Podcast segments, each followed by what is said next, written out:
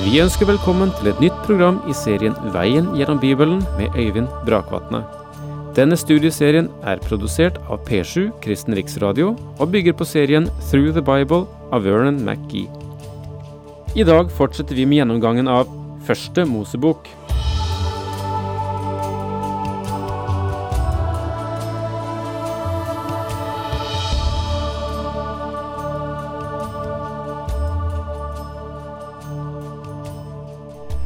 Sist så begynte vi å si litt om et av de absolutt store høydepunktene i Bibelen, nemlig Første Moseboks kapittel 22.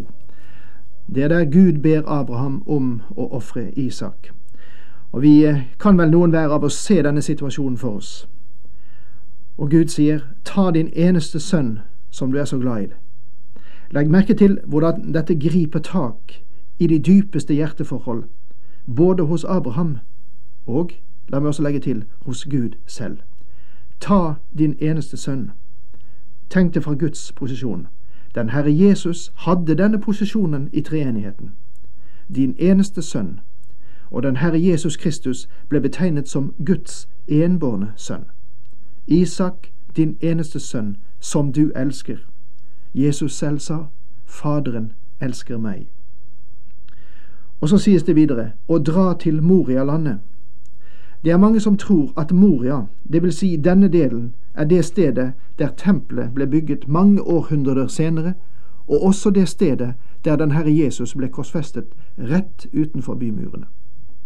Golgata og tempelet er ikke så langt fra hverandre. De hører til det samme høydedrag. Det er umulig å si om den Herre Jesus døde på samme sted, det vet vi ikke, men han døde på det samme høydedrag, det samme fjell der Abraham ofret Isak. Der skal du ofre ham som brennoffer på et av fjellene som jeg vil vise deg. Brennofferet var selve hovedofferet frem til loven ble gitt ved Moses. Da ble det instituert et offer for synd og overtredelse. Her taler brennofferet om Kristi person, hvem han er.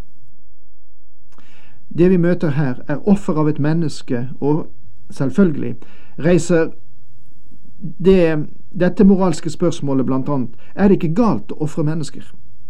Jo, det er moralsk feil. Hvis du hadde møtt Abraham da han var på vei for å ofre Isak, kunne du ha spurt ham, Hva er det du gjør, Abraham? Han ville ha svart, Jeg skal gi fra meg Isak som et offer. Og du ville ha spurt videre, Vet du ikke at det er galt? Abraham ville ha svart, Jo, jeg har lært at det er galt. Jeg vet at de hedenske nasjoner rundt her ofrer mennesker. Filistrene ofrer til Molok. Men jeg har lært noen ting annet. Men du ville gått etter ham videre og sagt, men hvorfor gjør du det da? Og han ville ha forklart. Alt jeg vet, er at Gud har krevd det. Jeg forstår det ikke. Men nå har jeg vandret sammen med ham i mer enn 50 år. Han har aldri skuffet meg, og aldri har han bedt meg om å gjøre noe som senere ikke viste seg å være det aller beste. Jeg forstår ikke dette, men jeg tror at om jeg går hele veien med ham, så vil Gud vekke Isak fra de døde. Jeg tror at han vil gjøre det. Der er en kolossal dramatikk i hele dette kapitlet og i Abrahams veldige indre kamp når han tar Isak med seg.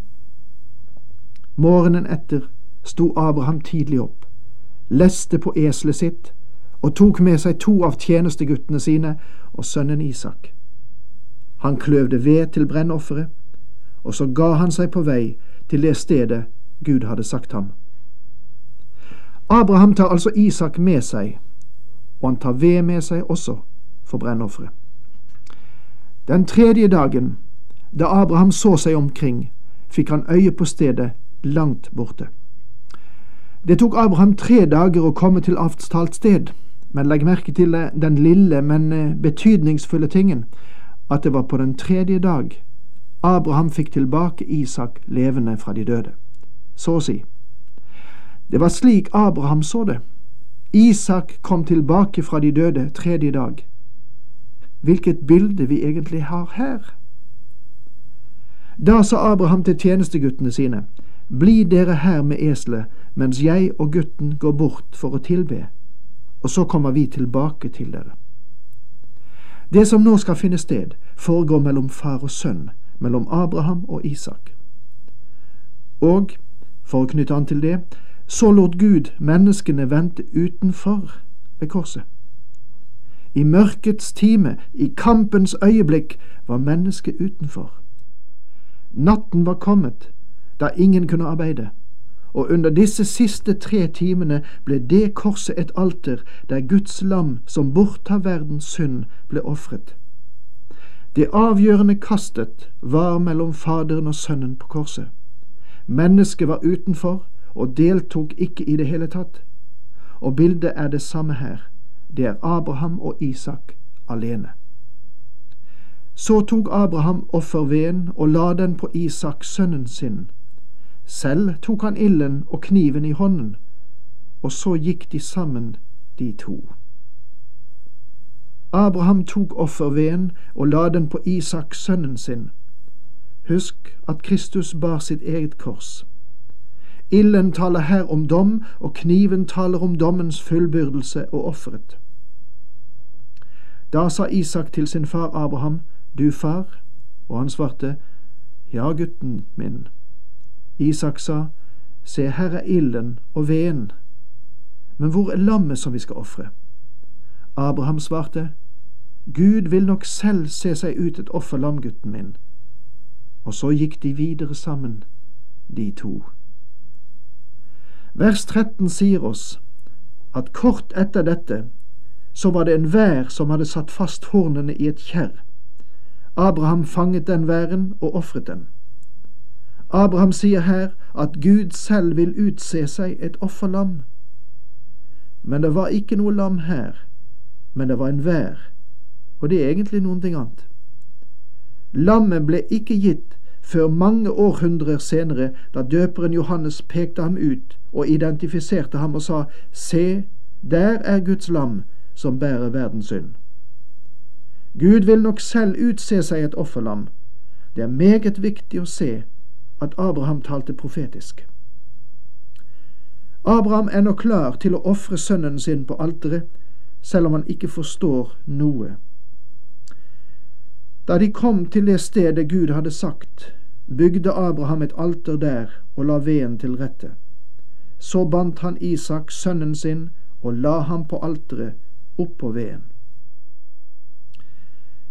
Isak er ikke bare en liten gutt som Abraham måtte binde, han er en voksen mann, og jeg tror at Isak ville ha vunnet over Abraham om det hadde kommet til en fysisk kamp mellom de to.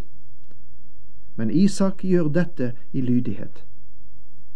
Herren Jesus gikk til korset etter at han hadde sagt Skje ikke min vilje, men din. Han gikk til korset for å fullføre Guds vilje.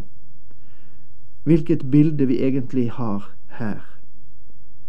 Og Abraham rakte ut hånden og tok kniven for å ofre sin sønn. Akkurat her ville vel du og jeg ha sagt, Abraham, har du virkelig tenkt å fullføre dette? Nå ser det virkelig ut til at Gud vil tillate deg å gjøre slikt. Og han ville ha svart, ja, jeg vil fullføre det. Jeg har lært at det er galt, og jeg forstår det ikke, men jeg har lært også å lyde Gud.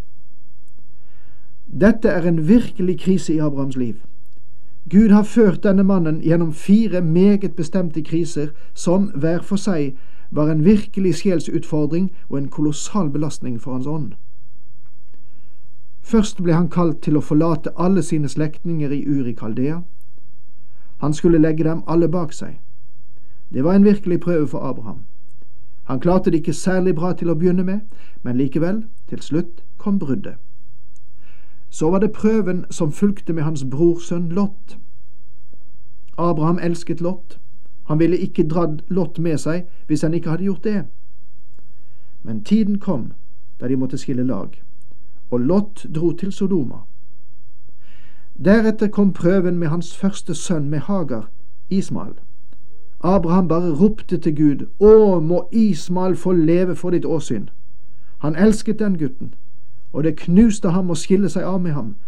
Og nå kommer Abraham til den største prøven, den fjerde store prøven i hans liv.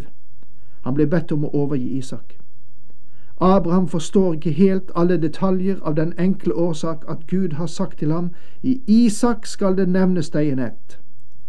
Abraham trodde at Gud ville vekke Isak opp fra de døde. Men så langt det står til Abraham, er han villig til å gå til denne offerhandling.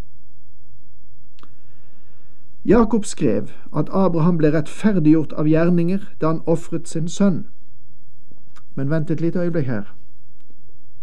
Ofret Abraham sin sønn? Sier Bibelen at Abraham stakk kniven i gutten sin?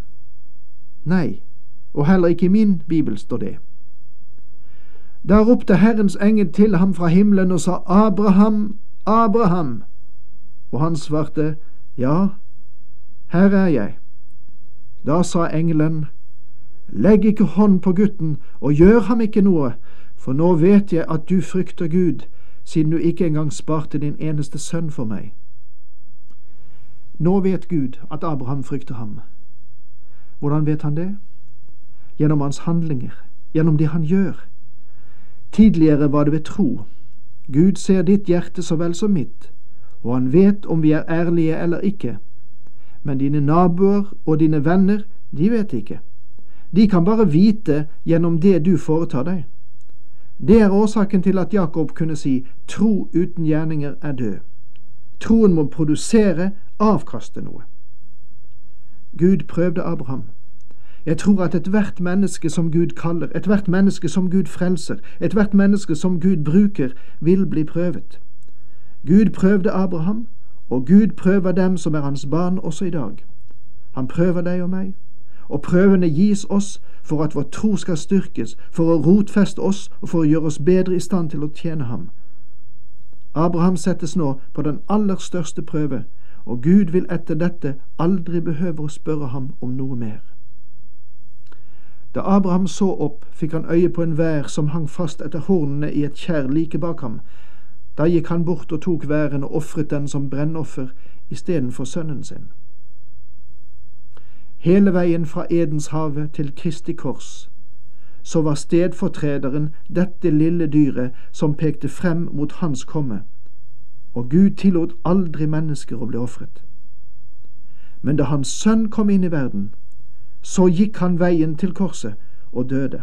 Han som ikke sparte sin egen sønn, men gav ham for oss alle, kan han gjøre noe annet enn å gi oss alle ting sammen med ham, sier Paulus i Romerbrevet.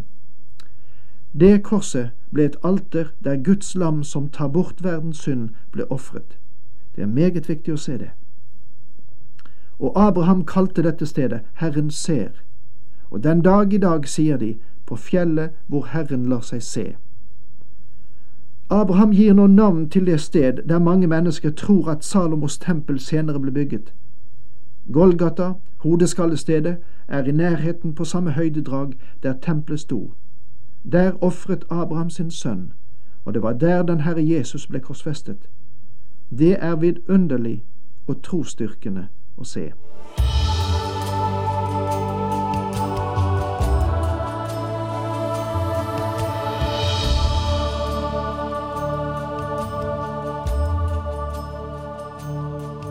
Du hørte Øyvind Brakvatne i studieserien Veien gjennom Bibelen. Serien bygger på et manus av Vern McGee. Har du spørsmål eller kommentarer til programmet, kan du sende en e-post til vgb krøllalfa p7.no. Takk for i dag, og på gjenhør.